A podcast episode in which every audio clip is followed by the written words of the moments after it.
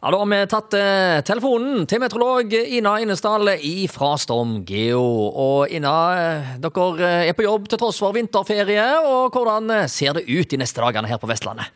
Jo, det, vi har jo hatt et år enn så lenge som har vært preget av mye lavtrykk og ganske mye dårlig vær. Men nå får vi et lite pusterom. Helgen har jo òg gitt et lite pusterom. Vi har hatt litt kraftig størlig vind. Skal vi ha litt nedbør som passerer i noen byger. Men så onsdag og spesielt torsdag blir det skikkelig bra vær for Vestlandet. Så det er bare til å glede seg. Og ganske gode temperaturer begge dagene. Kanskje vi kommer opp i en åtte grader på dagtid, hvis man er heldig, i de største byene.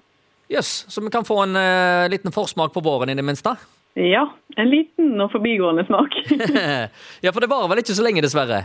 Nei, uh, utover fredagen så skyer det til, og så kommer det nedbør utover ettermiddagen og kvelden fra vest igjen. Og så blir det litt sånn skiftende inn i helgen, da, kan du si. Uh, med litt byger igjen på lørdagen og sånt. Så da blir det litt mer skiftende for helgen sin del.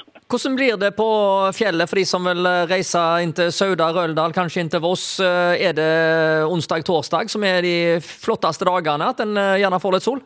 Ja, det er det helt klart. Og da er det ganske lite vind også i tillegg. Det er jo ofte en faktor som er viktig å tenke på når man er i fjellet.